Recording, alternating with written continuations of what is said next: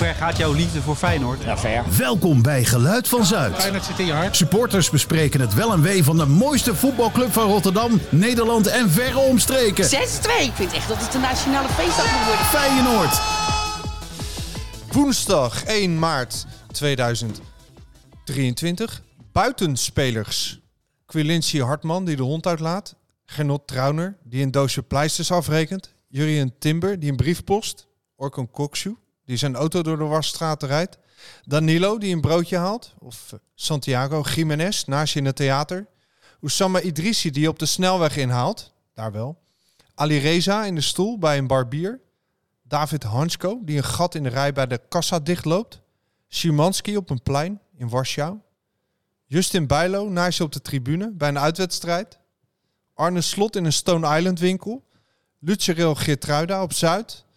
Marcus Pedersen bij het hockeyveld. Ja, je verwacht het misschien niet, maar je kunt de spelers van Feyenoord overal tegenkomen. Het zijn net mensen. Maar is het niet zo dat je je helden nooit moet willen ontmoeten? Moet je die afstand van tribune tot de held op het veld niet juist koesteren?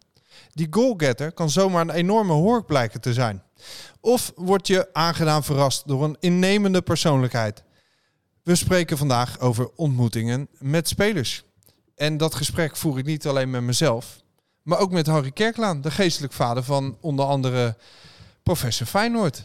Ja, goeie, ja goedenavond, eh, lieve luisteraars Dave en Ellen. Blij je weer te zitten. Sinan. Ja?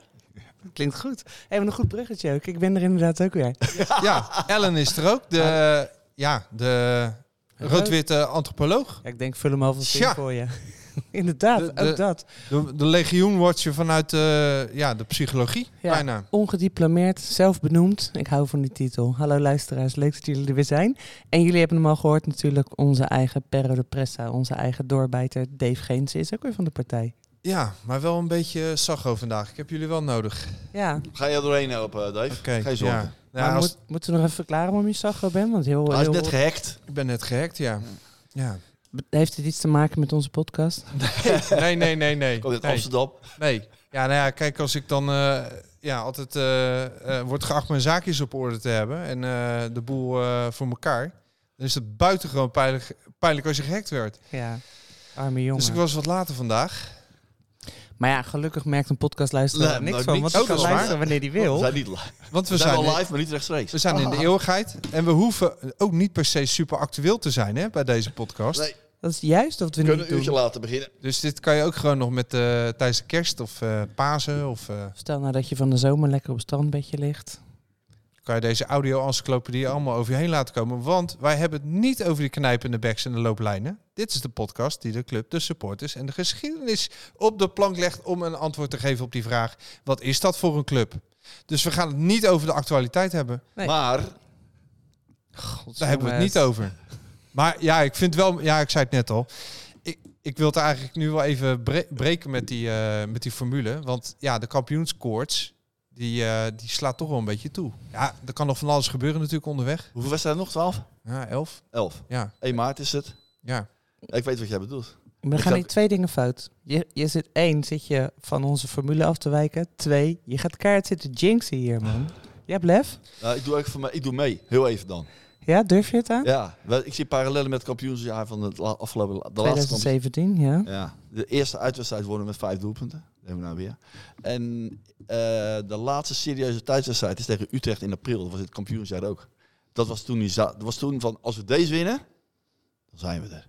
En dat, dat, dat eikpunt zie ik dit seizoen weer. In 92, 93 openden we ook een kampioensjaar met een 0-5 eclatante overwinning bij FC Twente. Ja, die Ook- zeg ik. Nee, je zei net... Ja, jij eh, zei 2017, dat was Groningen. ja? Dat was de vinger uit de kom. En jij haalt, eh, Dave, jij haalt Ja. eh, 93 nog Oké, even uit. maar anyway, mooi. Ja, maar nee, natuurlijk is het zo. Als je één keer verliest en eh, de concurrent wint een keer, dan is het allemaal weer eh, Ja. staat dicht bij elkaar. Maar een goede vibe. Ja, heerlijke vibe. Ja, na AZ waren we allemaal echt wel gelukkig. En AZ voelde een beetje als die PSV-wedstrijd van 2017. Dat we er allemaal wel in gaan geloven.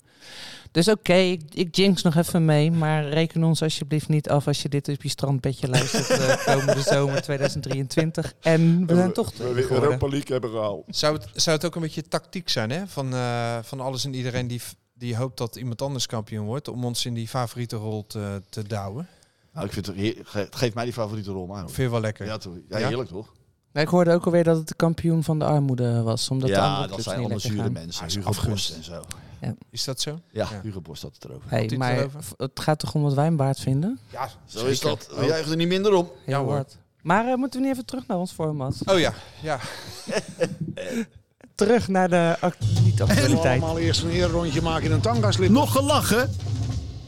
Ja, eh, ja. Nee, daar hebben we nog gelachen. Ja, maar dat is dan ook iets uit de actualiteit, hè? Ja, waar wij ons over hebben verbaasd of eh Ja, verkneukeld. actualiteit met een klein tijdloos dingetje Ta- erbij. tijdloze Ja, wel, eh, wel, observaties. Ja. nou, trap jij maar af De afgelopen twee wedstrijden hebben de Feyenoord supporters heerlijk mooi, lekker lang gezongen. Wat gaan we doen vandaag? Ja. Dat was met eh, Fortuna uit. De ESPN vond het ook leuk. Die hebben de microfoon nog een slagje opengedraaid. Die voor het uitvak stond. Ja. De tweede helft ging die stukje harder. Het was prachtig. Je kon bij, bij die gasten bijna woordelijk verstaan. Het was Ja. echt eh, super gaaf. Mannenkoor Feyenoord. En weet je wat ook zo mooi was? Eh, d- wat er altijd gebeurt als je zegt dat je Feyenoord supporter bent, dan gaan mensen je altijd daarop aanspreken. En van de week zei iemand tegen me, ja, ik zag het. Er was een soort mannenkoor op de tribunes en ze hadden allemaal iets zwarts aangetrokken. Die dacht echt dat ze ervoor waren gaan staan. Die nam het zo serieus. Misschien was het wel de afspraak ook. Iedereen droeg zwart. Er is een eh, fanatieke twitteraar, die heet Creatieveling, als ik het goed heb. Mhm. En die heeft, die heeft dat fragment ook bewerkt. Die heeft de, de commentaarstem eruit geknipt. Dat lijkt me een mooie outro vandaag. Vind je niet? Ja, Dat is wel mooi. eh, een soort van eh, Je verklapt het einde al. beloning op de finishlijn dan. Als je deze hele podcast uitzit. Dan krijg je een heel mooi mannenkoor te horen. Ja, ik vind hem wel episch. En het doet ook weer denken aan jaren negentig. Want toen zongen we hem ook op dat tempo. We Hij is al hebben 30 jaar uit. gewoon- Ja, en we hebben het oude tempo weer terug. Precies 30 jaar uit. Kop Ja. van de palm. Mooi hè? Mooi.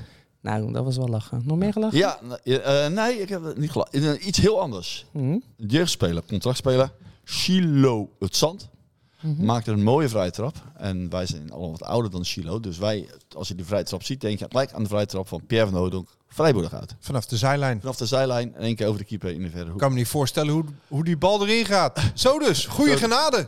Nou, dus die commentator van Feyenoord TV mag, eh, die, jongen mag bij Feyenoord TV komen. En die commentator vraagt dan, eh, zo, die, leek, die vrije trap leek wel heel veel op van die van Hooydonk.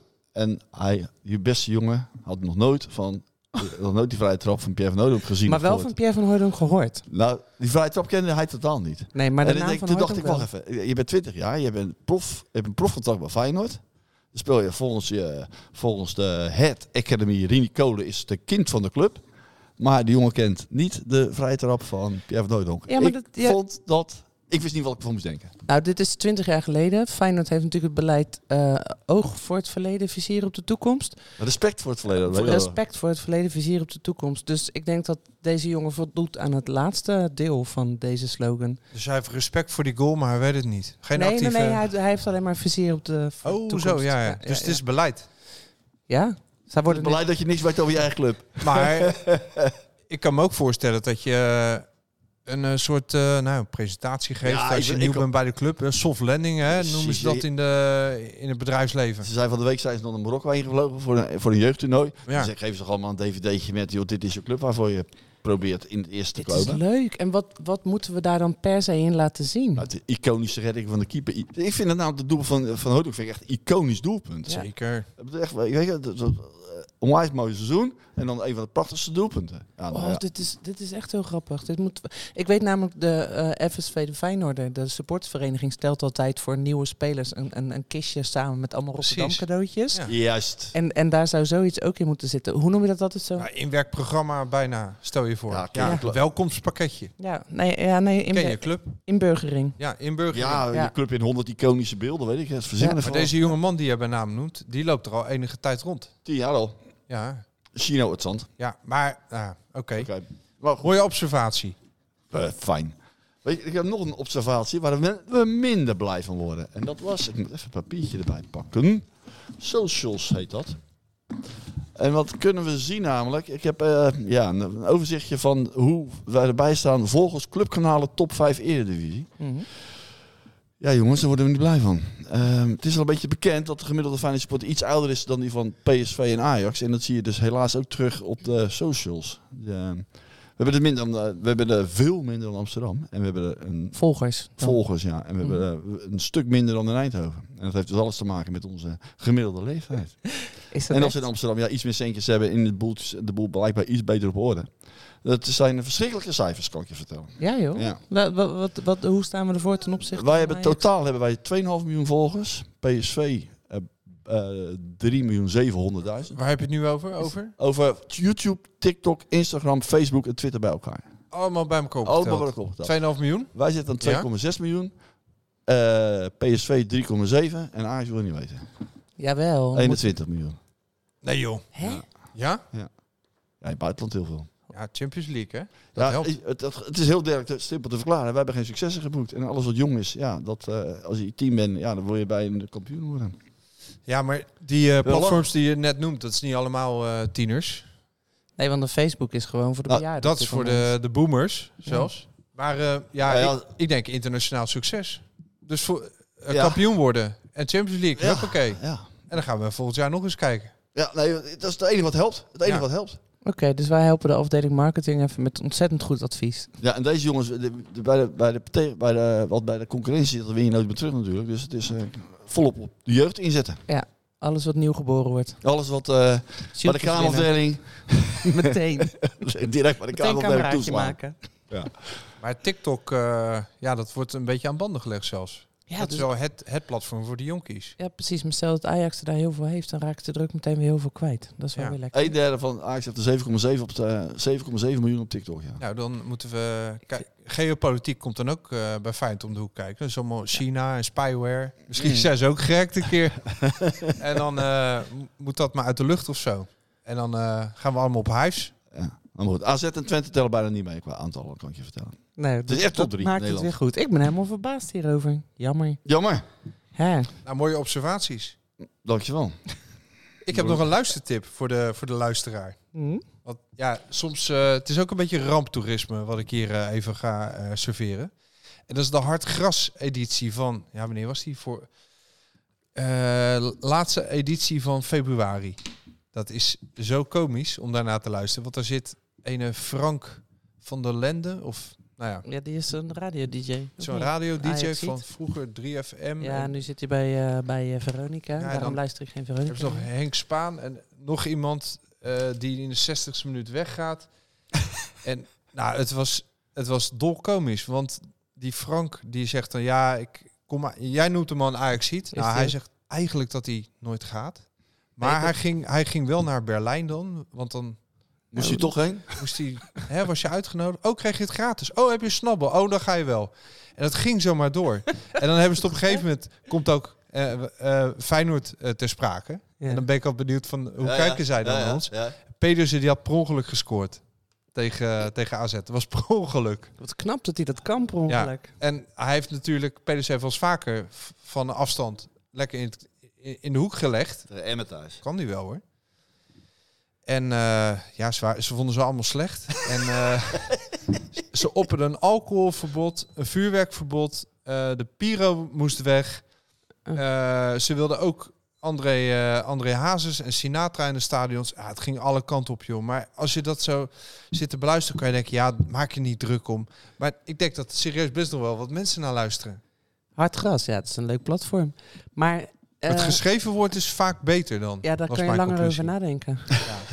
Dat helpt wel eens. En ook een a- aparte eh, conclusie die zij dan trokken was... Europese wedstrijd tegen, eh, tegen Union Berlin. Mhm. Daar hadden ze allemaal dagjesvolk. Want de vaste seizoenskaarthouders blijven dan weg. Nou ja, dan kan je als... Waar? fi- In de arena kennelijk. Echt waar? Kan je dan ook helemaal niks bij voorstellen. Ik vond het ook wel opvallend dat zij niet in het Olympisch Stadion mochten spelen, maar gewoon in het kleine Union Stadion. Ja, maatje kleiner hè? Ja, Small club. Maar goed, genoeg, genoeg over, eh niet? over Hunnie. Maar het was ook vooral, ja, wel grappig om te horen hoe zij dan kijken naar, eh, naar Feyenoord. Als wij de pannen van het dak spelen. Dat ze, het, ze krijgen het gewoon niet over de lippen. Nee, dat blijkt. Maar dat, dat, doen wij dan maar, ja. Laten wij dan maar lekker heel erg positief zijn. Dan zagen we nog, ook nog eh Jorien van der Herik bij ESPN. Ja. En die eh, liep even leeg over de organisatiestructuur. Eh, recent gooide ik die ook op tafel. Moeten we dat niet eens ontleden? Nou, Ja. ik heb een eerste poging gedaan. Ja, we hebben raden van commissarissen. We hebben de STICO, we hebben de BVO, we hebben de Stadion eh, Feyenoord NV. Ja, en als je het allemaal op papier gaat zetten. Ik werd het, het werd geen leuk verhaal, laat ik het daarop houden. Maar Jorien, ehm, ja, die stipte wel aan dat het incestueus was. Zo noemde hij het althans. Ja. Hij signaleerde dat Dat bepaalde was wat- mag ik wat even... ja, zeker. Ja, dat bepaalde types, zeg maar, eh, zowel beneden als boven in de organisatie eh, eh, zitten. Dus die zitten in meerdere gremia en die controleren eigenlijk zichzelf. Was zijn, eh, dat dat waren woorden van zijn strekking. Ik ben een fan van Jorien. Laat het eerste zijn. Op tijd heeft hij er klote een rotzakje van gemaakt, maar de man, als- de man die mag ik erg graag. Omdat, goed, uh, Jorien, 2006. Er is de Feyenoord een. eh, we beginnen bovenaan. Bij Fe- Feyenoord, eh, Jorien van Erik is dan nog eh, in charge bij Feyenoord. Bovenaan staat Stichting Feyenoord. Onder leiding van Jorien van der Herik.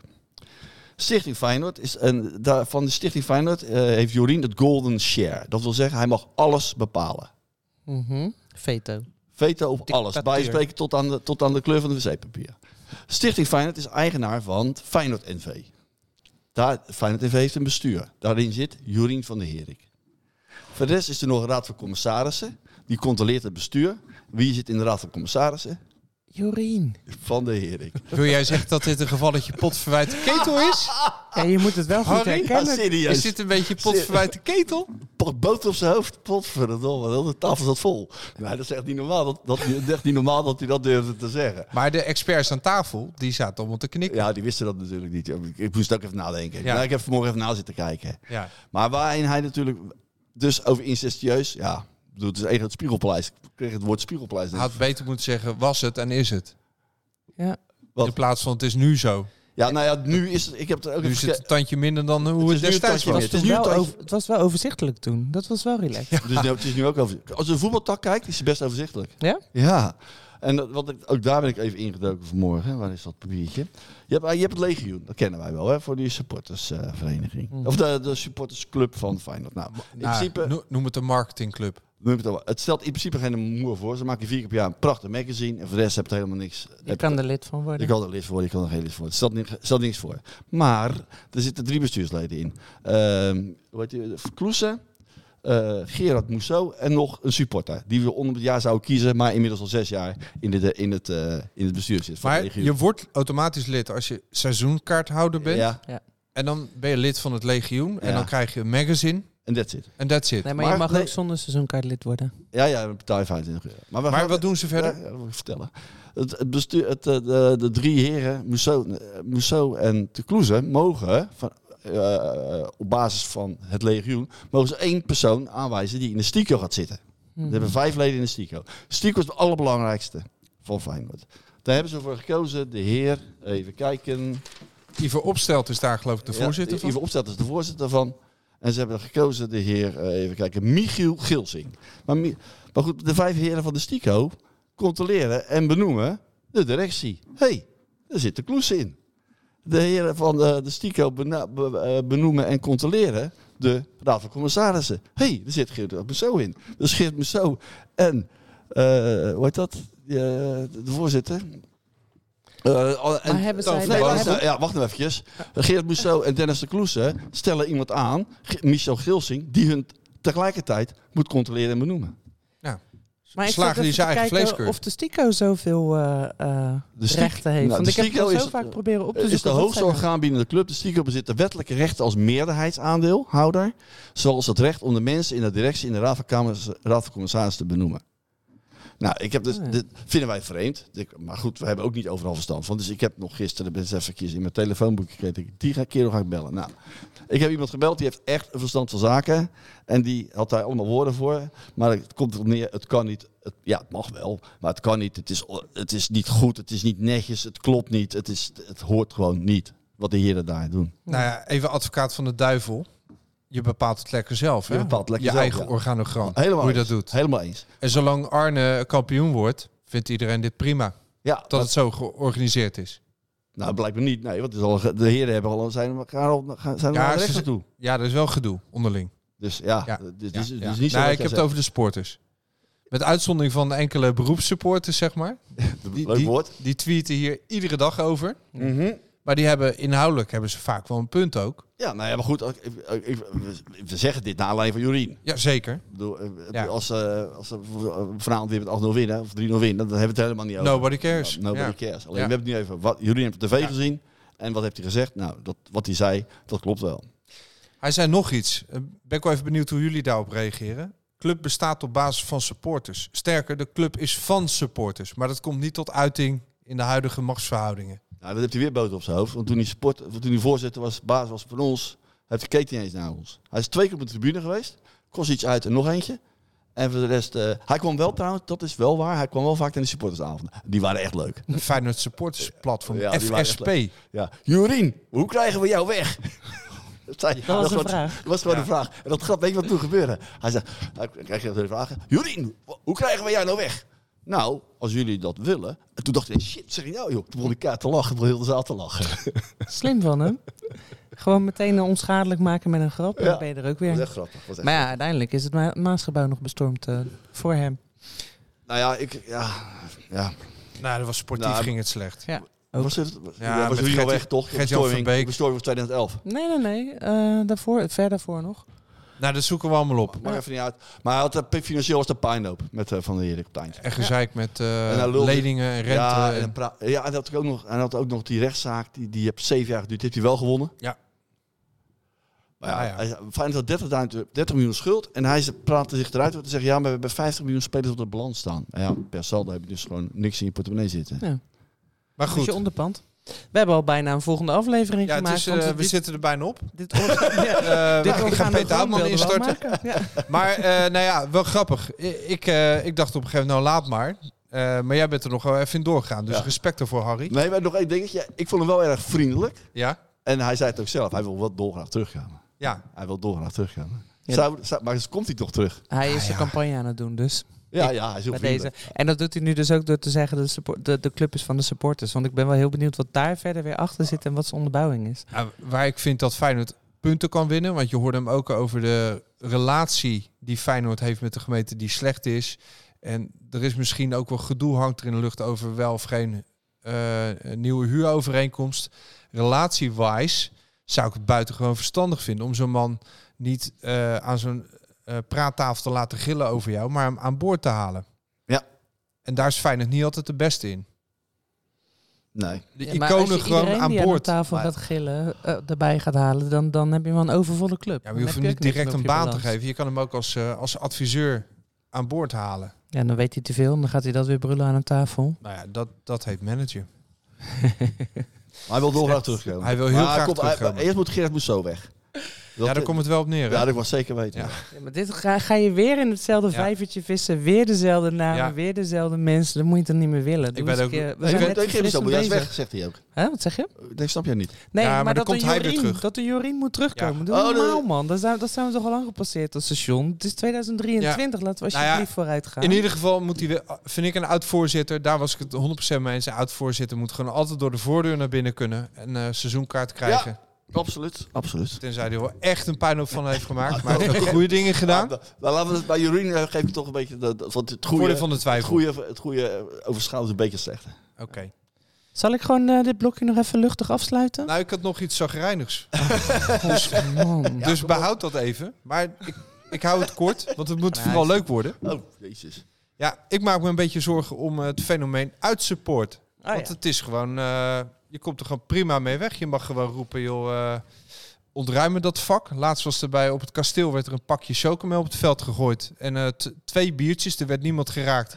Maar de scheidsrechter van dienst, die, eh, die liep het veld af. Bij FC Rijnmond riep iemand, die moet dan, eh, volgens mij was dat Geert en Oude. Mhm. Die riep, die moet je, ja, dan moet je zo'n tribune maar gaan ontruimen. Gewoon leegvegen die handel. Ja. Maar Dat iemand een pakje groot. Ja, ja, maar dit is, dit is de tendens. Cambuur. Ja. Ja, we zijn gewoon niet meer welkom als uitsupporters. Ja. En dan rijst de vraag, ja, moeten, ja, tuurlijk eh, gebeurt er wel eens wat, hè. Het zijn ook net mensen, die supporters. Eh, maar moeten de kwaden, of de goede met z'n allen onder die kwaden leiden? ja. Gaan we het opgeven, zeg maar? Eh, als het aan autoriteiten ligt, lijkt het er wel op. De tendens is nu echt om te zeggen, supporters zijn eh pain in the ass en je kan beter zonder spelen. Ja. Maar dit is zeg maar wat je hoort, zeg maar, groots, groter groots in het nieuws.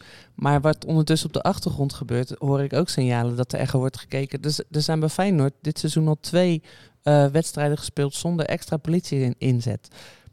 Geen idee welke, maar ik heb wel dit, dit, dit nieuws is dus bekend dat de twee wedstrijden zonder politie inzet, wel met de politie-eenheid in het stadion, want dat schijnt dus wel gewoon een regel te zijn.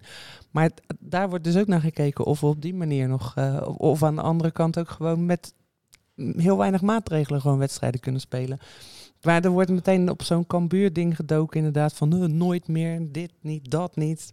Ga gewoon praten met elkaar, man. Ik word een beetje moe van. Maar nog, er zijn nog twee wedstrijden gespeeld zonder extra politie inzet. Ja. Dus gewoon zeg maar, de minimale politie inzet. Ja, Oké. Zeg, ja. Nou ja, het- Dan kan er nog een paar denken. Komen allemaal van die kleine broertjes. Ja, daarom is de hel uitgebroken. Ik heb jaren geleden bij de, het, het Nederlands supporterscollectief eh, gezeten bij een bijeenkomst. Ehm, en daar zeiden ook de veiligheidsautoriteiten, er wordt al veel te snel op een tendens gereageerd. Zo Mhm. van, oh, Feyenoord komt er, maar Feyenoord gaat het altijd mis. Terwijl als je cijfers overlegt van wanneer ging het dan mis, dan blijkt het allemaal mee te vallen. Maar het is echt gewoon puur bijna op gevoel dat mensen nu dingen gaan roepen over, oh, het loopt altijd uit de hand. Is niet zo. Ga een keer de statistieken erbij leggen. Dus ik ben het met je eens. Het is heel erg dat die uitsupporters er niet meer bij mogen zijn. Op basis van een pakje chocomel inderdaad. Dus laten wij de voetbalculture eh, omarmen en bewaken. Ja, en vooral laten zien waarom het zo leuk is. Nou, probeer die glimlach eens terug te toveren op onze uh, ja, radio lekker dan. Jullie knallen het helemaal in elkaar en dan mag ik het weer fixen. Nou, ik dacht inderdaad heel braaf eh, en nog gelachen. Ja, ik moest wel lachen, want we hadden natuurlijk in de vorige aflevering hadden we Alex van Mook op bezoek. Oh ja. En toen hebben we het gehad over merchandise en Ja. over Castore, Castore. En ik zat even te scrollen, want eh, eh, de, de podcast en de uitspraken van Alex die waren opgepakt door eh, FR12 en door FR-fans. En dan scroll je even door die reacties die daaronder staan. Merendeel is goeiemorgen, goeiemorgen. Ik ga van mijn, nou, de gekste opmerkingen. Maar er zat daar toch echt, dit zal jou wel bekoren Harry, want jij Oh. houdt wel van een mooi dichtwerkje. Dat heb je vorige keer laten zien. Er is dan een prachtig gedicht bij van iemand die een ode bracht aan Castoren. Ik zal hem even voorlezen. Dit stond in de comments op frfans.nl. Castoren, Castoren, Jiménez gaat er veel in scoren. Castoren, Castoren, het legioen zou je erin horen. Castoren, Castoren, daarin springt Bijlo zo hoog als een... Toren. Castoren, Castoren, Pedersen wordt een nog snellere. Noorden. Goed idee man. Castoren, Castoren, ook Arne Slot zal het Horen. bekoren. Bekoren. Castoren, Castoren, in Amsterdam zullen ze zich storen. Ik heb er nog twee hoor. Castoren, Castoren, Feyenoord scheidt het kaf van het. Koren. En de laatste, Castoren, Castoren, daar wil je als kampioen bij horen. God. Ik Oh. zal even de credits Ja. geven aan degene die Hoi. het geschreven heeft. Eh, de credits gaan naar gast 392 461 Oh ja. 51 Oh ja, die. 32. Ken Ja, ik. die vind ik goed. Prachtig. Ja, goeie Die race. zit achter mij. Die zit achter mij altijd. Zie je? Ja. Als hij bestelt ook altijd. Ja. Ja, volg, eh, volg die Ik wil bier, persoon. hier. Zo helder. Ja, maar wel leuk dit. Toch zat. Prachtig. Ik zo. weet nog niet op welke eh, melodie het moet, maar dat zullen we binnenkort ook wel horen dan. Dan, toch, eh, toch het hoofdgerecht. Het hoofdgerecht. Ja. Buitenspelers. ja, loslopende Feyenoorders. Even een stellingje erin gooien.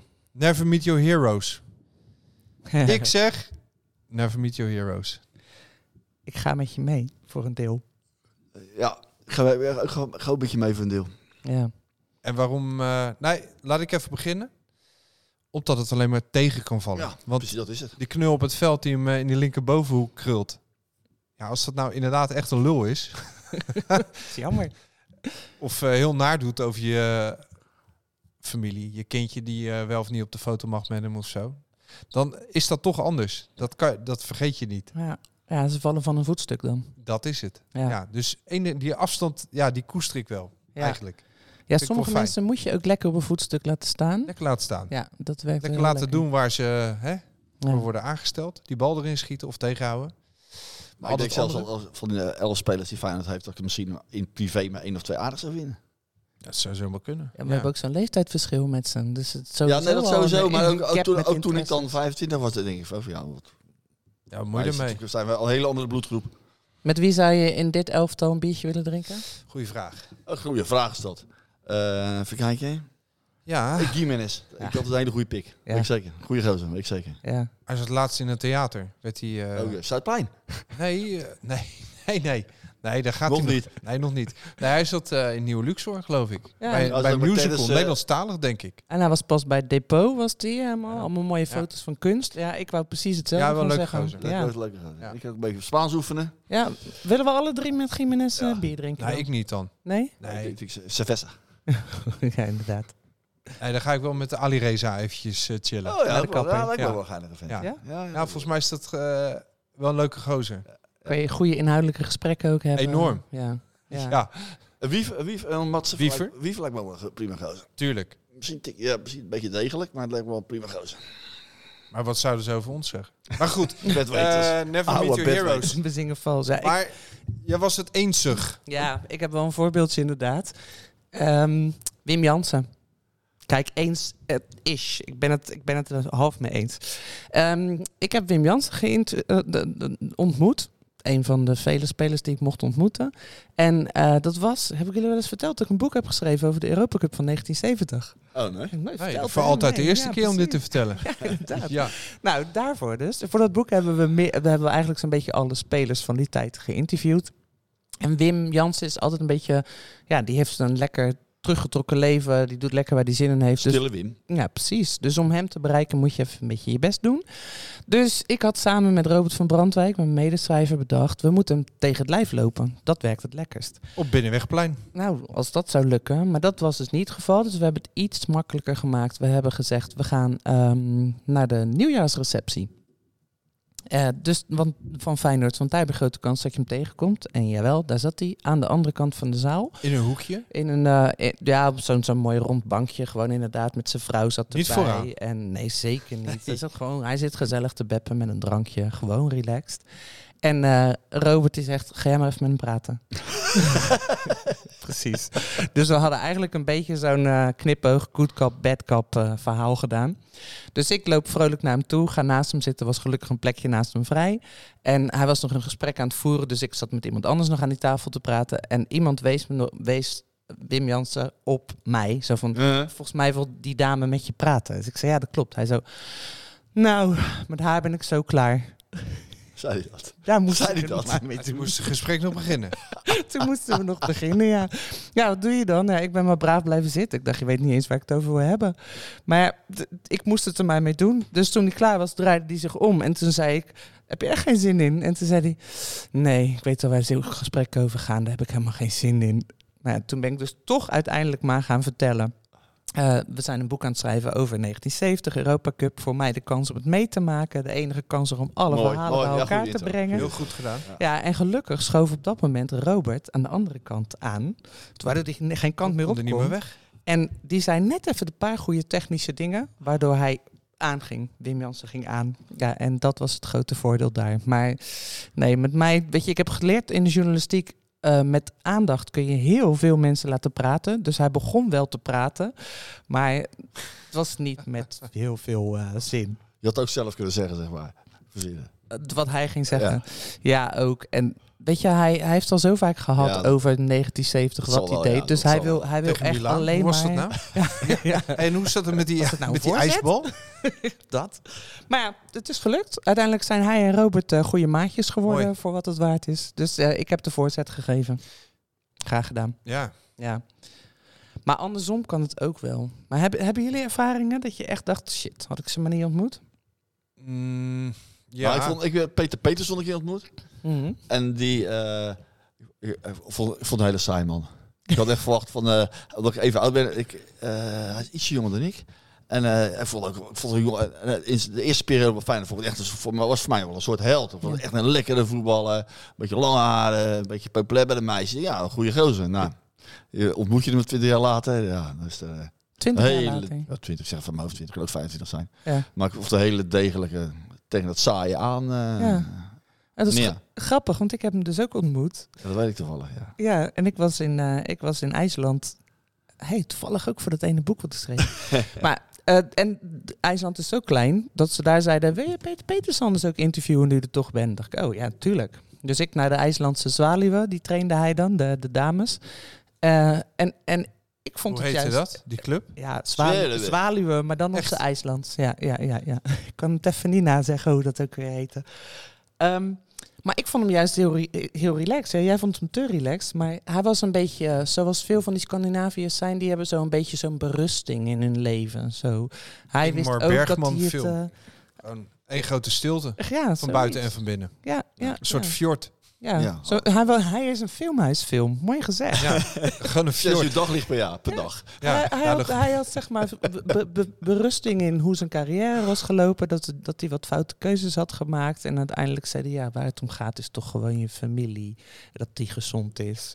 Ja, je kan het zijn noemen, maar ik vond het wel een geruststellend gesprekje eigenlijk. Oké, nou ja, dat, vol- ja, jij vond het wel aardig en ik vond hem saai. Oké, Misschien is het... eh, Ik, snap hem, ik snap hem ook, maar Eh, ik, ik heb twee ervaringen die ik wat minder vond. In de jaar, ik heb jarenlang spelers mogen interviewen voor het sportsmagazine Hand in Hand. ja. En dat was, jij had het net over, met aandacht kan je iedereen laten praten. Nou, ik kan me geen journalistiek cursus, opleiding of eh, oefening eh, überhaupt voorstellen. Waarbij je nog meer wordt getraind in mensen laten praten dan het interviewen van voetballers. ja, en vooral die jonkies ook. En hè. hoe jonger, hoe moeilijker natuurlijk inderdaad. Want Ja. op een gegeven moment eh, hadden we geen geld meer. En toen stond eh, ja, al- allemaal jonkies in de basis. De een wat succesvoller dan de ander. Eh, de Vrij kon debuteren, Wijnaldum, noem, noem ze maar. Ja. Maar er was één keer een speler, ja, die had er gewoon echt helemaal geen zin in. Dus die, die zei tegen mij... oh, oh ja, oh, u zit al klaar. Dus ik zei, ja, ja, ja, u. Dus als ze u gaan zeggen, vond ik het ook wel vervelend worden eigenlijk. Ja. Ja. Denk ik, ja, wat zijn we ja, in godsnaam aan het doen? Ja, ja, kom zo terug. En dan liep hij nog even weg, want hij moest nog naar de fysio. Ja, kom zo, kom zo. Op een gegeven moment denk ik, ja, het duurt wel erg lang. Ik kijk naar buiten en, eh, en weg was Diego Biseswar. Ook wat net zeggen, wie was Met de auto. namen? Ja, Echt naming waar? en shaming. hij was snel, hè? Hij was snel, hè? Oh, oh, oh. En later kreeg ik dan Toren, ja, was het vergeten. Ja, ja, ja. Schofterig, hè? Echt serieus? Ja, Jemig. Nee, nee, dan kan je hem niet laten praten. Als hij er niet kan nee, zitten, dan wordt toen was hij weg. Jeetje, hoe Maar, heb je dat eh, ingevuld? Drie lege pagina's. Nou, dat stelde ik wel voor, ja. Want, maar goed, dan heb ik mijn ego opzij gezet. En toen dacht ik, ja, ik heb als eh kwaaijong ook wel eens een keer eh scheid gehad aan iemand. Of eh, me niet helemaal perfect gedragen. Dus daar, karma. daar heb, ben ik overheen gestapt. En andere negatieve, want je vroeg naar negatieve ervaring. Ik heb Ja. ook heel veel leuke. Maar een andere negatieve was met Gert-Jan Verbeek. Mhm. En die kwam toen, dat was geen, ja, dat was geen interview. Dat was meer een vertelgesprek eigenlijk. Dus hij, hij kwam uitleggen hoe het allemaal werkte Oreren. oreren. En tijdens dat gesprek, wat nou ja, in een sfeer was van, eh, nou ja, het- ik voelde me bijna een soort van eh notulist. Ik moest vooral opschrijven wat eh, de grote trainer eh, allemaal eh, naar buiten bracht. Oké. Niet gestoeld op enig succes bij de club. Had weinig vrienden. Had net de inventaris van, van Gerard Meijer bij het grof vuil gezet en dat soort gekkigheid. Ja. Dus hij, hij was in een film beland waar hij zelf niet van wist waar hij over ging. Topsport. Maar had het wel allemaal uitgevonden en hij noemde in dat artikel, ik meen, eh 18 keer liet hij het woord Heerenveen vallen. Dus ik heb dat keurig eh, opgeschreven voor hem. En eh, zoals de journalistieke wet betaamt hoor en wederhoor, ik heb het even teruggelegd van nou, dit, dit heb ik ervan gebakken. En toen kreeg ik hem terug. Ja, het was, ik heb wel eens dat iemand iets teruglas en dan zei van ja, oh, ja, dat is toch niet zo handig. Dat is dan altijd jammer. Weet je wel ook Ja, dat het een beetje zeker- smeuig blijft Ja, de smeuig gaat altijd. beetje uitgesproken. Nou, ja. dus ik verwachtte hier ook wel weer één of twee opmerkingen. Maar ik kreeg hem nu terug. Het was één grote rode massa. het was, eh, nee, dat heb ik allemaal niet gezegd. Van boven naar onder. En je had letterlijk ze- hem genotuleerd eigenlijk. Ja, en misschien was hij zelf ook gaan tellen en dacht hij... "Oh, het is misschien niet helemaal handig dat ik 18 keer over Heerenveen eh ga oreren over hoe het daar allemaal goed is. En, eh, Je hebt een goede spiegel voorgehouden met dat en toen kreeg ik terug van de persverlichter van dienst. Die zei, ja, maar dit, dit heeft hij allemaal niet gezegd. Oké. Moest terug, moest terug, hè, toen. Toen moesten we in de reprise. En toen kreeg je precies het nog een keer. Toen kreeg ik een heel ander verhaal. Oh. Een heel ander verhaal. Ja, toen zat hij in een andere modus. Ik weet niet wat er gebeurd was met hem, maar ja, en een paar weken later was er inderdaad iets met een bestorming en eh, gedoe en eh, was hij eh, ontslagen. Maar Wat een Nou, leuk afscheidsinterview. dat wa het was vooral niet leuk. En dat vind ik wel jammer. En als je gaat zitten met een speler, tenminste hè, als wij eh, Ja, ja. verhalen maken, dan is het ook fijn als het nog een beetje leuk is. Ja. En eh, als je die gozer tegenover je dan ook nog een beetje, er een beetje zin in heeft, dan maakt het net leuker. Ja. Dan komt het Ja. net wat meer los. ja. Ik, bijvoorbeeld, ik had eh, Ruud Gullit geïnterviewd, twee keer. En eh, voor, voor, voor, eh, viel mij op dat hij nog... ik was twee, de eerste keer had ik mijn plakboeken meegenomen van de twee seizoenen dat hij bij Feyenoord speelde. En hij wist, hij wist nog heel veel. Hij wist nog heel veel wedstrijden nog te herinneren en zo. Dat is, dat is, dat is best wel echt wel grappig. Ja. Het was jouw trainer, het was jouw trainer bij ons. En de tweede keer eh, gingen we over de, zeg maar over de actuele situatie praten. En dat was een prima keer om te interviewen. Hoeft het ook niet te lezen. Vertrouwde hij ook gewoon. En het was ook niet zo dat de persvoorlichter dan... eh, het, het, het was ook wel grappig. Gullit stond gewoon een beetje boven de partijen. Dus je hoeft ook niet eens meer naar Feyenoord te sturen. Weet je, Heerlijk, dat is- heerlijk. Hij accordeerde hem gewoon ter Hij, plekke. hij, nou ja, hij- geloof jou prima. En, eh, en dan mocht hij gelijk doorsturen naar, eh, naar de redactie. En, dat- en hij was, ik, weet ook nog dat hij, ik weet ook nog dat hij blij was met de kop. Want hij had natuurlijk via Bert van Marwijk als trainer gehad. Bert van Marwijk was een beetje een ja, trainer, een beetje een grijze muis. Ja. Dus dat hij boven eindelijk een trainer met een mening. Nou, dat vond hij helemaal geweldig. Zo, die was er denk ik niet doorheen gekomen hoor, normaal gesproken. nou ja, ja, dat hoefde niet naar Feyenoord. Nee. Nee. Gullit vond het allemaal prima. Wat een genot. Maar ja, Ja, is het later, was hij, later was hij niet te benijden. Tent uit. Was hij niet te benijden. Ja. Niet te. Maar Legendarische Ja. zinnen zijn dat. Hè. Die blijven Ja. gaan ook nooit meer weg.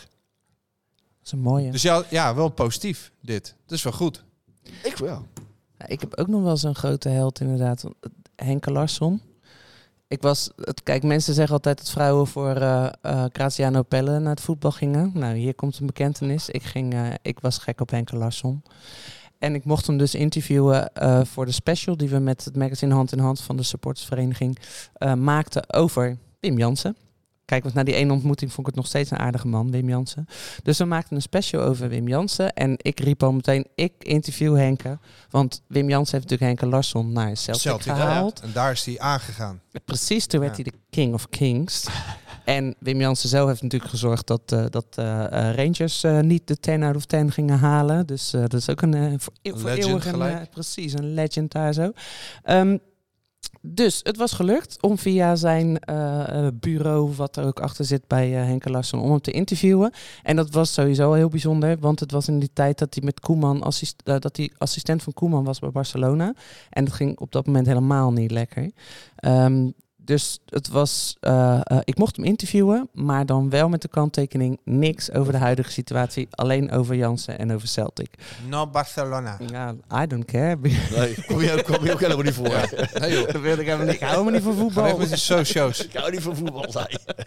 Ja, dus dat kwam helemaal goed. Het was een heel leuk, eh, leuk interview. Sowieso leuk als je mensen interviewt die hebben gewerkt met Wim Jansen, kunnen ze precies aanwijzen waarom ze beter zijn geworden door Wim Jansen. En in het geval van Larsson was dat heel simpel. Hij moest gewoon niet de bal komen halen, maar hij moest in het strafschopgebied zijn. Dat was de enige tip die hij kreeg van Wim. En daardoor is hij zo'n goede speler geworden, zegt hij. Maar het mooie was dus, het was een heel lekker gesprek. Het ging dus over Zoom of weet ik veel met welk systeem. En eh, hij kletste honderd uit en we hadden gewoon, weet je, we het zaten Nederlands of het Engels? in het Engels, in het Engels. En we zaten dus echt met z'n tweeën in dat interview, Mhm. dacht ik. Dus Was je gehackt ook? Misschien wel. Ja. Je Chinees achter. Jij wil wel naar de clue. Dus ehm, uiteindelijk vroeg ik hem nog van, heb je nog een boodschap voor, eh, voor de supporters? Weet je, want we missen je wel en eh, weet je, het is altijd leuk. Dus hij vertelde, eh, hij deed nog even een boodschap die ik nog even had opgenomen. Eh, bedankt allemaal, mooie tijd gehad, hartstikke leuk. bla. uit. Ja, hartstikke leuk. Dus wij nemen afstra- Ja. afscheid. Ja. Word ik gebeld door die, door die persdame die daarachter achter zit. En dit mag je echt niet uitzenden. Ik dacht, oh, wacht even. Je hebt dus de hele tijd zitten meeluisteren om te checken of ik iets verkeerds had gezegd. Maar ze zei, ja, het kan... Ze bracht het op een heel nette manier. Ze zei, maar het kan niet zo zijn dat hij nu heel lief de Feyenoord supporter gaat toespreken. Terwijl de Barcelona supporter zit te wachten op een statement van hem Of over ontslag. hoe het, hoe het Ja. gaat of wat dan ook. Dus toen heb ik met haar afgesproken, oké, dan wachten we even tot jij die boodschap hebt. En dan ga ik daarna gaan we deze uitzenden. Nou, tegen de tijd dat eh, wij hem mochten uitzenden was het niet relevant meer.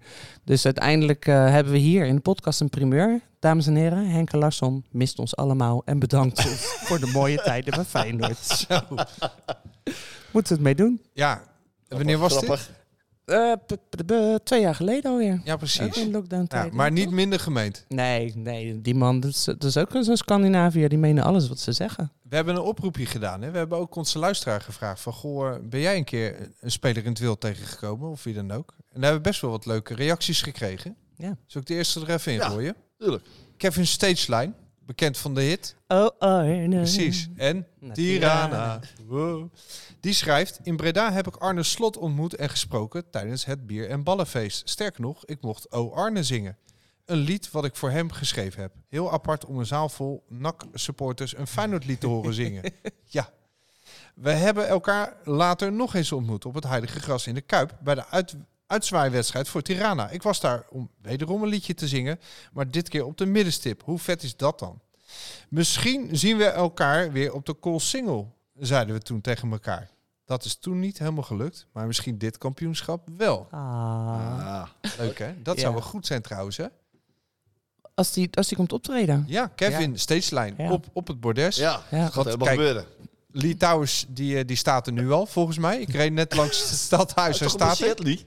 Ja, maar, sorry? Nee, maar die is Lee toch is klaar voor de geblesseerd. marathon. Ja, maar joh, Lee, als hij in een houten jas eh, ligt, Houd die jas. Dat houten zingt hij nog jas, steeds. dan komt, hij, dan komt hij nog, denk ik. Drukt hij op play en dan Oké. doet hij gewoon Zodra hij mee. op teletext 819 Feyenoord bovenaan ziet staan, staat hij gelijk op de bordes. Maar je moet een beetje vooruit plannen naar de tijd dat hij misschien wat minder fit is en het echt niet meer lukt. Ja, ik stem voor Kevin. Ik vind, ik het ook ook, zo, ik vind het ook zo verfrissend. Want ik denk, nou, je hebt wel je lekkere hits gescoord. Ik vind het echt leuke muziek. En dat hij dan nog zoiets inzendt en zegt... Oh, ik heb, ik heb Arne ontmoet. Ja, hij is gewoon ja, een liefhebber en een fan. Ja. Eh, even door. Eh, ja, Mark Boninse- Se- Wat ja. Stond naast Ed de Groei. Te plassen. buiten door de ramen naar, nee, naar de zwemles te kijken. Geweldig. Goed. Zijn kind en mijn kind. Ik vroeg nog aan eh, Mark en ontstond er nog een eh, gesprek of een poging daartoe, maar nou ja, dat was allemaal niet heel erg het geval. Oh ja, die heb ik ook gekregen, dat soort dingetjes. Ja, en- maar Robert van der Poel, die zegt, ook weer het zwembad. Daar, daar gebeurt het. Ik heb in de kleedkamer bij het zwembad gezeten met Guillaume Fernandes. Wachtend op onze dochters die op dezelfde zwemles zaten. Ah. En ik ook weer gevraagd van ja, maakt hij contact dan en zo? Maar, nou ja, dat niet helemaal. Maar Ferry de Haan die deed ooit boodschappen in de Albert Heijn waar ik vakken vulde in, eh in Keizerswaard. En daar heb ik wel gezegd, eh, ja, ik heb hem daar gecom- gecomplimenteerd met een goede wedstrijd. Nou, dat heeft Ah. Ferry toch wel goed gedaan. Ah. Hij had ook nog wel even moeten zeggen, als je ooit directeur wordt bij Heerenveen, dan moet je wel Feyenoord niet vergeten. Dus eh, ja, dat zijn wel leuk. En eh, oh ja, eh Piebe Guido van den Berg, Luigi Bruins was aanwezig bij het feestje van mijn school, waar het nieuwe schoolbusje werd gepresenteerd. Nou, dat is ook helemaal, heeft diepe indruk gemaakt op eh Piebe Guido, want die heeft nou een hit gescoord. Die maakt altijd liedjes op Twitter. Hij kan niet per se heel mooi zingen, maar hij doet wel zijn best. En het wordt bijzonder gewaardeerd. Die heeft nu een eh, liedje gemaakt voor Jiménez. En dat gaat viral in, eh, in Mexico. Geweldig. Ik vind het dat zo leuk als je dan een Feyenoorder tegenkomt. Dat ehm, hoe ouder ze zijn, hoe beter ze het mee weten te dealen. Ik weet nog dat ik ooit eh, bij Excelsior, Excelsior Ajax, liep ik Pierre van Hooijdonk tegen het lijf. En ik, zo bleu als ik was, zei ik, hallo meneer van Hooijdonk. en hij zei, hey, hoe is het? Kijk, zulke mensen, daar hou je van. Die gewoon heel erg bleu, eh, bleu terugreageren. Dat is fijn. Wie nooit bleu is, is onze eh, onvermaarde columnist Jeroen Koot, a.k.a. Peenvogel. De pen van Peenvogel.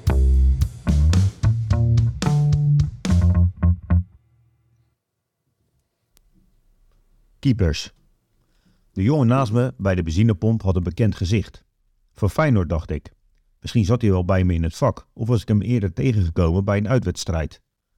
We zeiden gedag tegen elkaar terwijl ik met een schuin mijn zoon in de gaten hield die koste wat het kost wilde tanken. Iets niet wat altijd per se een goed idee is. Pas later in de auto besefte ik dat het Justin Bijlo was geweest die naast me stond bij de pomp. Dat ik hem verwarde met een supporter was niet zo gek geweest. Hij is de supporter onder de spelers en op het moment dat ik hem tegenkwam, was hij ook nog maar net de eerste doelman in de Kuip. Afgelopen zondag had de cameraman van ESPN de geblesseerde keeper snel in de smiezen. Met een zwarte hoodie maakte hij deel uit van de befaamde FLKG, ook wel bekend als de Feyenoord Losse Kaartengroep.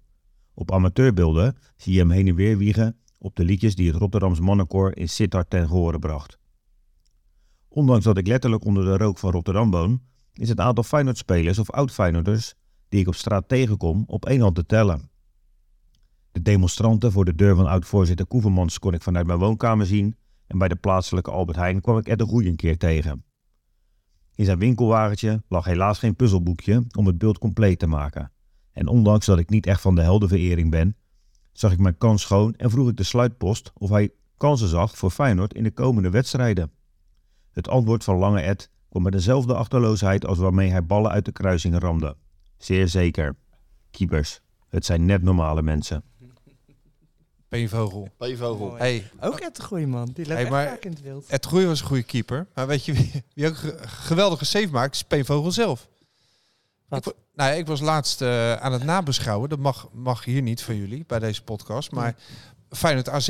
En eh, ja, ik was er nog niet helemaal klaar mee. Dus ik duik met Peenvogel die ik tegenkwam even de kroeg in. Ja. Eh Bergpolder, Bergselaan. En daar zit een vent aan, eh, aan de bar. En eh, nou, die had best wel een bakkie op. En eh nou, Peenvogel en ik beschouwen zo die wedstrijd over die eh, knijpende backs en die looplijnen en zo hebben we het dan allemaal over. En op een gegeven moment het die vet, die laat het van die kruk af. En hij raakte de grond niet, maar we hadden hem voordat hij de grond raakte. Hij zat op zijn hoge barkruk, hebben we hem opgevangen. Wat goed. Zeg, goede safe man. Zo, hopla, vierde en Ja, vijfde save keeper. van de dag. Dus Peenvogel die kan niet alleen goed eh, ja, voor de dag komen met, met schrijven. Ja, dit Nou, een heel- goede reservekeeper kunnen we wel gebruiken. Daarom. Ja, Dan zijn we Dave hier kwijt, hè? Want Dave, jij, Nou, Ja, het was over. erbij het met was die gedeeld. Nou ja, de credits voor Peenvogel dan. Oh, Ja. daar heb ik ook voor over. ja, hij stond dichterbij. Dat- Ja. En dat na een wedstrijd nog. Zou hij dat, zou die dat willen zelf op doel? Ja. Ja? Daar droom je toch van? Ja. Echt? Tuurlijk. Ja, ik vond dat wel het leukst. Ik hou niet van voetbal, zoals ik al vaker heb gezegd. Maar ik vond keeper het leukst. En dan kon je tenminste in de modder duiken. Volgens Hm. mij ben ik toch meer van de rugby. Hey, en dan... eh, het werd net toch gememoreerd, maar een liedje van 30 jaar geleden, hè? Ja. Die kennen we nog wel, hè? Feyenoord, we houden van die club. Gaat hij nou verklappen? Kennen we zeker nog wel. Mooi, hè? Prachtige zingende spelers. Kampioenselftal. Kampioen zelf al. Prachtig eh, maat gehouden ook. En eh, toon gehouden ook. Ja. Ik gooi hem er maar Waarom, even eh, in. ja, waarom gooi je hem erin, Dave? Ja, de mooiste Pinksterdag. hey, dat is leuk, hè? Ja, Is dat toevallig die theatershow in Theater Zuidplein? volgens mij is dat op 23 mei. En kun je eh, om 8 uur s'avonds, avonds kun je via de website van Theater Zuidplein, kun je nog kaarten krijgen. Ja. Voor 12,50 euro. Ik zou het wel weten. Ja, wij hebben ons voorgenomen ehm, om, eh, om een ode te brengen eindelijk eens aan eh kampioenseizoen 92-93. Omdat wij vonden dat hij eigenlijk een beetje te weinig belicht is. Terwijl dat toch wel het moment was dat we het lieten zien als Feyenoord. We doen weer mee. En het wordt tijd, want het is nu 30 jaar na dato. Het wordt tijd Ja. dat, dat we die helden van toen gaan eren. En dat gaan we doen met Ja. Regie Blinker, John de Wolf en, En Henk Vrezer. en Henk Vrezer. Ja. En dan gaan we gewoon lekker in de tijdsbubbel. Gaan we even gewoon lekker terug naar de 93. Met het eh, petje met John de Wolf haren. Met de foute overhemden. Je mat mag je ook gewoon laten staan. Ja, ja, je kan hem nu Aussie. laten groeien. Ja, ja. Maar het is echt... Ja, we, we willen echt eventjes gewoon met z'n allen... Het is nu al leuk als je het erover hebt met iedereen... weer terug naar die tijd van 92, 93... en weer even dat gevoel van toen weer terugbrengen.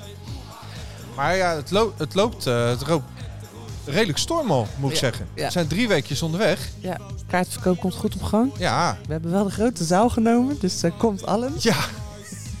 ja, Maar het, het, wordt, het moet echt, wat ons betreft, een lekker supportersfeestje onderling worden. Waarbij je weer lekker je herinnering kan ophalen. En de oh ja en de oh ja's. eh, de eerste rijen zitten vol. Ja, ja. En ja. dat ja, begrijp ik. Ja. Ik zou er ook bij zijn. als, je, als je met John de Wolf op de bank kan zitten. Maar die jongens, nee, even gekheid. Die jongens die, die hebben er ook zin in. Want dat gesprek om ze zeg maar eh, nou, even uit te leggen. Wat, joh, wat is de bedoeling en eh, wat gaan we doen dan? Nou, in het geval bijvoorbeeld eh, met Henk Vrezer en Regen Blinker was dat superkort. Die hadden echt binnen no time ze door. Ja, dit is leuk. gaan we doen. gaan we doen. En Ja. dat was zo'n toptijd natuurlijk. Ja.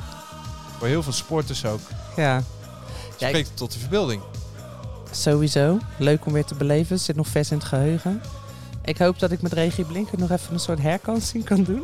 Want we zeiden net, moet je Oh. je helden ontmoeten. Ja, Voor die special van Ja. Wim Jansen heb ik ook Regie Blinker geïnterviewd. Want die heeft natuurlijk onder hem gespeeld bij Celtic ook. En ehm, een van de eerste dingen die Regie tegen me zei was... eh, is dit voor het eerst eh, dat je zo'n interview doet? zo. Wat vroeg je dan? Ik vroeg nog helemaal niks. Oud ben Ik je? ging alleen maar zitten. Oh. dus nou ja, ik hoop op een herkansing, zeg ik. Maar eigenlijk ben ik gewoon helemaal fan van die man. Want hij, hij, hij denkt dus waarschijnlijk dat ik eh, begin 20 ben. Dames en heren, ik ben 43. Ehm, dus ik heb toen maar even een boek naar voren geschoven en laten zien dat ik al een tijdje van hand in hand schreef. Dus het werd uiteindelijk een heel leuk gesprek. Want iedereen die spreekt over Wim Jansen is blij. Wat, wat Regie overigens heeft geleerd van Wim is... als je de bal aanneemt, niet met de rug naar het doel... maar met je rug naar de zijlijn, zodat Oh. je het veld kan overzien. Zo, Dat was zijn eh, les. Ja, gratis tips van Wim Jansen. Ehm, maar later was er nog een eh, awkward momentje. Want toen zei hij nog, eh, ja, eh, ik denk dat je wel even oud bent als mijn dochter. En zijn dochter is ergens in de twintig. Oh. Dus eh, echt, ik ben heel blij dat Regie er is. Want die man die geeft me altijd het gevoel alsof ik weer twintig Ah, mooi. ben. Nou ja, Ja. Dus ik zou zeggen, komt dat zien. Zo, Ja, en ik kwam er op omdat ik het geheugen van John, of Johns geheugen, zat te bekijken op YouTube. Mhm. Oud Feyenoord TV-itempje. En dat ging over Feyenoord Groningen. Ja. En ja, we, we hebben zelf ook binnenkort Feyenoord Groningen aan de hand. En ook in dat seizoen. En eh, toen dacht ik, ja, leuk man. Zin in, zin in. hey, maar terug naar die spelers. Ja. Hey, een hele leuke even, hè? want ik wil nou, eh, die gezellige vibe wil ik vasthouden. Koen Moulijn heb ik ooit eh, mogen, het hemd van het lijf mogen vragen. En daar kwam ook wel de, de regel, die moest dan ook wel eventjes daar erin gegooid worden. Ja, je moet wel aandacht geven. Kortom, je moet je wel een beetje inleven en inlezen. Doe je dat niet, ja, dan wordt het misschien wel stug. Niet, denk, niet dat ik denk dat hij, eh, Koen misschien een per definitie een heel stugge man was. Sterker nog, je komt daar binnen aan die modezaak aan de Langhorst eh Oh, in de slingen. winkel zelfs. In de winkel werd ik ontvangen. Geweldig. En het was, eh oh, gaat u zitten en koffie en wat fijn dat u er bent en dit en dat. Hele- in alles niet Diego Bizes waar die gewoon Ja, weg. Maar hij had niet eens door hoe, hoe geliefd hij was en hoe Nee, belangrijk hij Maar was. daarom was hij misschien ook wel zo geliefd. En het was Ja. ook niet gespeeld. Het Nee, was hè? ook geen Nou, valse beschrijving. Ja. Zo lieve man. Maar goed, eh, mijn schoonvader, eh, Bram, die heeft hem vaak eh, zien spelen. En Mhm. eh, een zwak voor hem. En eh, die, heb ik, al- die had ik al 101.000 keer over hem gehoord. Dus ik had nodige gelezen en ook wel even gevraagd van, joh, wat typeert nou Koen Moulijn? En die zei tegen mij, nou ja, hij wilde in ieder geval, wat er ook gebeurde, hij wilde in ieder geval met een schoon broekje het veld af. Ja. Toen dacht ik, nou ja, het zal wel. Ja, weet ik veel. Ik was toen nog niet geboren. Dus die gooide ik er eh, in, in minuut twee gooide ik die erin. Ja. En toen nou, begon hij toch te glimlachen van oor tot oor. en toen had hij het idee, oké, maar deze jongen die, ja, die heeft, dit is geen dienst die die draait hier. Hij heeft zich ingelezen. Hij heeft zich ingelezen. Ja. Niet helemaal het geval was, maar toen was het wel, het was het ijs gebroken. En dat is zo belangrijk dat je echt contact maakt. Ja. Want anders wordt ieder interview, zeker met de jonge spelers, ja, hard trainen, Ja, wat ook scheelt, het met, team. mooi wat ook shirt, scheelt van interview, of, of, ze nog, of, of ze nog daadwerkelijk op dat moment nog voetballen of gaan zijn gestopt. Als ze zijn gestopt, kunnen ze veel meer vertellen. Kunnen ze alles vertellen. En dat, dat, dat scheelt zoveel. En dan zijn ze ook wat ouder, dus ze weten... Nou, vooral dat. Wat ouder, wat meer kunnen ja, relativeren. nee, Ja, ja, Ja. nee, precies. Maar als ze gestopt zijn met voetbal, kunnen ze alles zeggen. Ja. Dat, dat scheelt wel, eh, ja, dat scheelt een berg. dat is veel leuker. En ook spelers die eh, eh, veel minder hebben gespeeld en minder prijs hebben gehad, die praten veel meer. Want die, die vinden het allemaal heel erg interessant. Die zijn Ah, natuurlijk ook veel leuker. een mooi voorbeeld daarvan is, Dave, je hebt een keertje Patrick Power geïnterviewd. En had Patrick Power had toen gezegd, wij kunnen nog kampioen worden. Oh ja. dat, dat moest kunnen, moest eruit van Feyenoord. Ja, ja. Die staat, kregen de zin als volgt, wij willen nog kampioen worden. Ja, Dat is, ja close reading. Ja, heel belangrijke zaken. dat je wel, jij wil nog kampioen worden, ja, dat is ook maar wat. Hè? En wat ook hielp, want inderdaad, Big Brother's Watching You, er werd wel over je schouder altijd wel meegekeken. En nog steeds natuurlijk, dat is alleen maar toegenomen. Ik dacht ook van ja, ik moet die jongens een beetje uit hun comfortzone trekken. Dus ik zei ook van ja, we moeten voor de foto moeten we op locatie zijn. Dat kan niet in een perscafé, dat is zo saai in de Kuip. Dus, Slim. dus ik dacht, eh, ja, eh, Euromast, eh, Hotel New York, Ja. Eh Stijn Huizerums, die heb ik eh, een biercafé Boudewijn, Belgisch biercafé op de. Nieuwe Binnenweg eh, naar binnen getrokken. Dat hij zich weer een beetje thuis voelde. Altijd omwille van de foto. Nou, dan kreeg ik altijd een groen licht. Zei, oh nee, dat snappen we, doe maar. Ja. Maar effect was wel dat die jongens een beetje los waren. Ja, Dus ja, ja, ja. ja. voelden zich ook vrij om te, Ja, te ja. spreken. Dus ik even in de Dat auto met werkte ze wel. en Dan, dan praten ze. Ja, ja, ja. Ik weet niet of dat, ja, of dat nu altijd nog kan, want het is echt wel een gesloten bastion geworden. Ja, heel erg. Ik ben zelfs een keer bij een speler thuis geweest. Was bij eh, Dave Mitchell Oh ja? in Sydney. Oh. Hè? Ja, ik was toen in Sydney. Toevallig. Heb je de Ja. reis gedeclareerd van Ja, die heb ik gedeclareerd met de hand in hand. Nee, Daarom serieus. is er nou geen budget meer. Ah. 16.000 euro heen, 16.000 kilometer heen, 16.000 kilometer terug. was 32.000 en 19 cent. was 6.000 euro. en ja, Joop, we was dat niet mee eens. ik heb het niet gekregen. Oh, maar ik, heb toen, eh, nee, ik ben toen bij Dave Mitchell in, eh, in Sydney geweest. En, eh, nou, dat was, eh, hij had toen, hij had eh, Dave Mitchell was een spits uit de, eh, nee, het eind jaren 80. Anderhalf jaartje bij Feyenoord gespeeld. Kwam uit Duitsland, ging naar Chelsea toe. Toen nog een kleine club Chelsea. Had eh, maar een hele, hele goede herinneringen aan, aan Nederland en Feyenoord. Want zijn eerste kind is hier geboren. En ja, praat, praatte nog een beetje Nederlands. Eh, pri- prima gozer. Leuk. En het grappige was, ik sta een jaar of tien later voor Rotterdam Centraal Station. Ik, ga, ik ben op weg naar Feyenoord. Wie staat er voor me? Dave Mitchell. Serieus. Herkende die je? Ja, ik, wij herkennen elkaar, ja. Vet. En eh, en hij was hier in Nederland op uitnodiging van Mark Overmars. Was toen nog technisch directeur van Go Ahead Eagles. En die was voor een speler, was hij. Was, dus hij was wel in Europa, maar hij was eh, bij Go Ahead wezen kijken. Smiddags en s'avonds met Feyenoord. Dus we gaan met de trein naar Rotterdam gekomen. Dus ik had dus heel gauw nog even Guido Vader gebeld van een kaartje voor eh, Dave Mitchell. Ja, een beetje lullig dat die Dave Mitchell daar weer bij klantenservice Ja, die de Engels eh, een daar. kaartje moet gaan kopen. Ja. Goed Maar- gedaan. Maar dat, dat, lukte niet. Ik weet niet. Ik weet niet hoe het is afgelopen, maar in ieder geval grappig. Je staat voor Centraal Station Rotterdam. Ja. En wie staat er voor je? Dave Mitchell. All the way from Australia. All the way from Australia. Zo dat Jack Hekken Feyenoord Enjoyer. At Cumpunator op Twitter. Die zegt, ik zat ongeveer tien jaar geleden op de tribune bij eh, Groningen naast John de Wolf. Ik liet hem toen mijn portemonnee zien met een Feyenoord sticker erop geplakt. Echter dacht John toen volgens mij dat het een cadeau voor hem was. En die stak hem zo in zijn jas. En bedankt. ja. Maar na een korte ongemakkelijke stilte wist ik mijn portemonnee gelukkig terug te krijgen. En was ik een mooi verhaal rijker. Ja. En, eh, Goed verhaal. ja, Kuip Tolk. Volgens mij eh, spreekt hij normaal Engels, maar die kan tot Nederlands. Ik zat vorig jaar in de wachtkamer van de tandarts tegenover Mario Been. Nou, toen vroegen we hem nog wel, heb je hem gehoord toen hij in de stoel lag? Ja, hallo met Mario, doei doei, ciao ciao. Le- eh, even kijken hoor. Eh, dit vind ik ook leuk.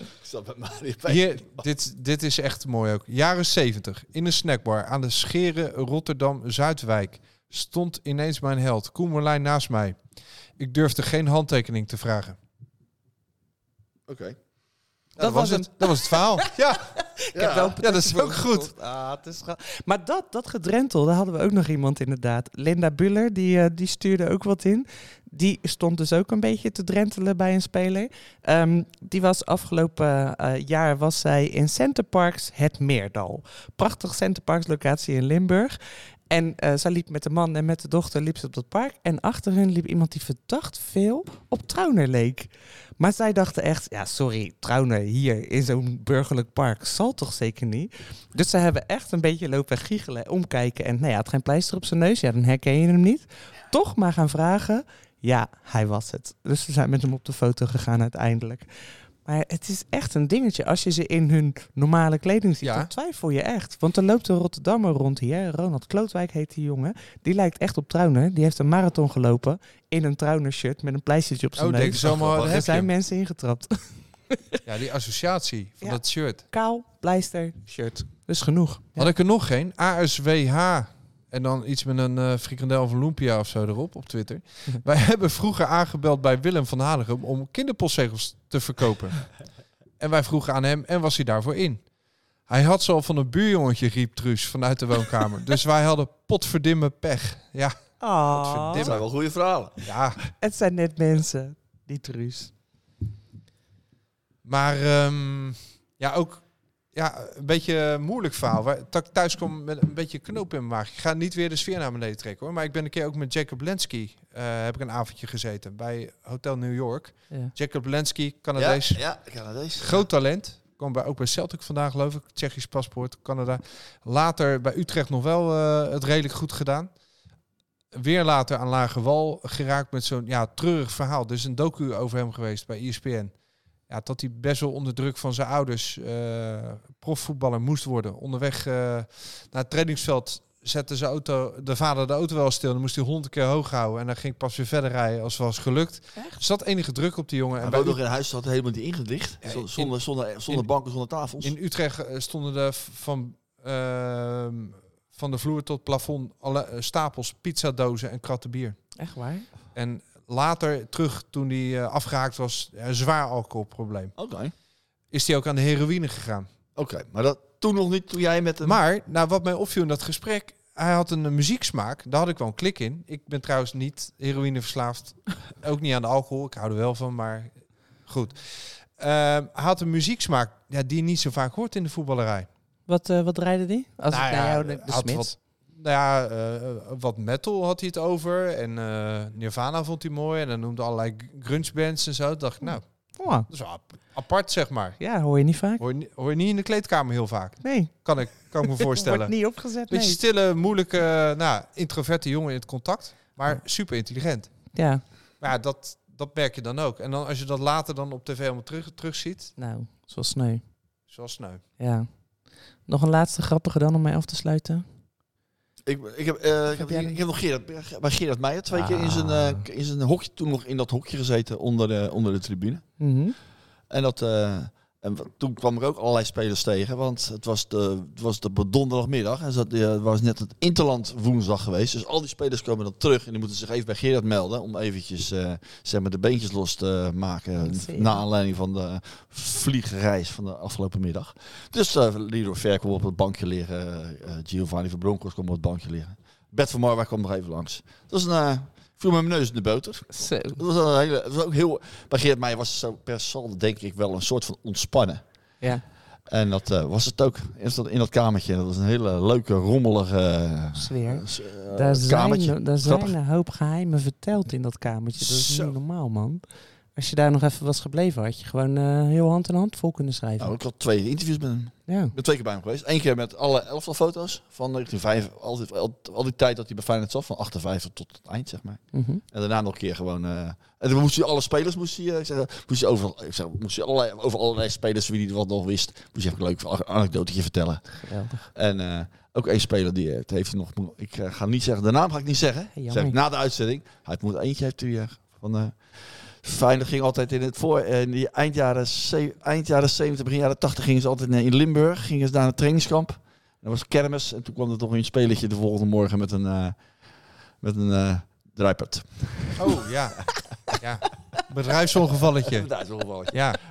Na de uitzending dan zal ik zeggen wie het is. Oh, Oké, zo. maar dat, dat ome Gerard überhaupt daar een naam bij noemde, want die is echt altijd... Nou, het is ook een speler die bijna niemand kent, dus het maakt niet zo. Ah. Dus ik kan Het gewoon zeggen. op een foto. Kan je het gewoon zeggen nu? Nee. Ik denk dat hier een prijsvraag we aan verbonden we moet worden. Ja. Hij Hmm. heeft het, over, hij heeft het druipen overleefd. Ja. Nou- ja, het Geert, het Geert hebben geholpen. Ja, tuurlijk. Die spuit er een of andere Ja, koelspray op en hij spuiten helpt alles. Natte spons. Die spons ook daaroverheen. Gadverdamme.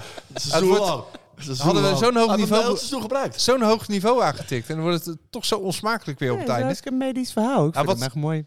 Wat heel, een van de leukste die ik er nog even eh, in wil gooien, Royston. Dat was echt één groot feest. Ik heb ook wel eens tegenover jongens gezeten. Ja, die kwamen niet verder dan, eh, ik doe mijn best, een mooie club, mooi stadion, mooie Mooi aanhang. shirt. Toen ik dacht, ja, mooi shirt ook, ja, mooie geschiedenis. Het is zo mooi dat ik hier ben, ja, eh, oké. Maar Royston jongens, dat was één groot feest. Dan gooi je, je gooit er een muntje in en eh, nou ja, Open- open die boek. blijft gaan open boek. Heerlijk, zo eerlijk, zo puur. Ja.